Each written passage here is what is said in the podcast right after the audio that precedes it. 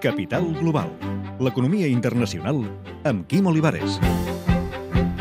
Una setena part del pressupost anual de la Unió Europea prové dels arancels que paguen els productes que entren al mercat únic. El comerç il·lícit comporta una disminució de la recaptació d'impostos, però també genera atur i riscos per la salut.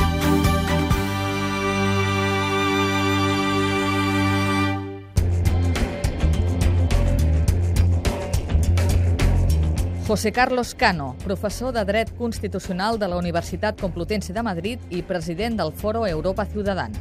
Todos los productos extracomunitarios para entrar en el mercado interior, en el mercado común, tienen que pagar un mismo arancel, ya sea en el puerto de Rotterdam, en el puerto de Barcelona, y esa unión aduanera se completa con la desaparición de fronteras interiores entre los Estados miembros. Por lo tanto, un producto que entra por el puerto de Barcelona puede llegar sin ningún trámite aduanero eh, ulterior hasta Hamburgo o hasta Finlandia. Les mercaderies que esquiven el control duaner perjudiquen el sector públic. El fraude es, es plural y el daño fiscal que produce el contrabando eh, pues tiene repercusión a todos los niveles, ¿no? en los presupuestos de todas las administraciones implicadas. També és un cop contra les empreses europees. La propia empresa es la que detecta el cargamento ilícito y es la que tiene que notificar a la autoridad aduanera para que proceda a su paralización y en su caso también a su destrucción. Pero claro, eso para una pequeña y mediana empresa es muy complejo porque no tiene un equipo de personas que se dediquen a hacer un seguimiento de, de la piratería que entra con su marca falsificada.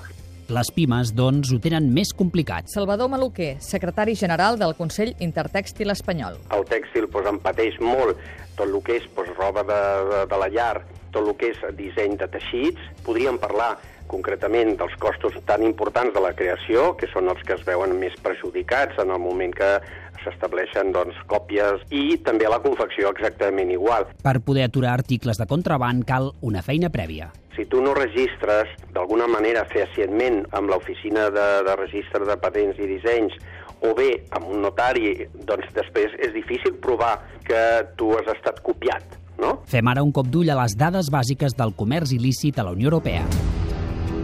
Les mercaderies més confiscades a les fronteres. Tabac, roba, joguines, perfums i cosmètics. Productes insòlits. 140.000 ullals d'elefant, 4 milions de pells de caimà i cocodril, pomes, flors, detergents o maquinetes d'afaitar. Procedència de les falsificacions. Un 72% de la Xina, un 8% dels Emirats Àrabs Units, un 5% de Bulgària i la resta de Turquia i Moldàvia. Els cinc estats europeus que més articles van interceptar el 2011. Alemanya, Itàlia, Grècia, Espanya i els Països Baixos.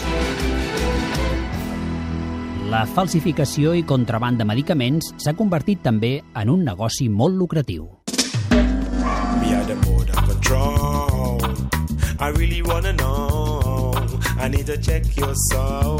Això no només viola la propietat intel·lectual, també comporta riscos per la salut. El 50% de los productos falsificados farmacéuticos y medicamentos que se adquieren en, este país ahora mismo proceden de compras por Internet, con el gran peligro que conlleva para la salud pública, para la eficacia de los tratamientos, en, porque pueden implicar fracaso terapéutico y también que las cepas virales en algunos casos se refuercen y se hagan resistentes a los tratamientos. Una resposta efectiva al comerç il·lícit passa, en part, per nosaltres.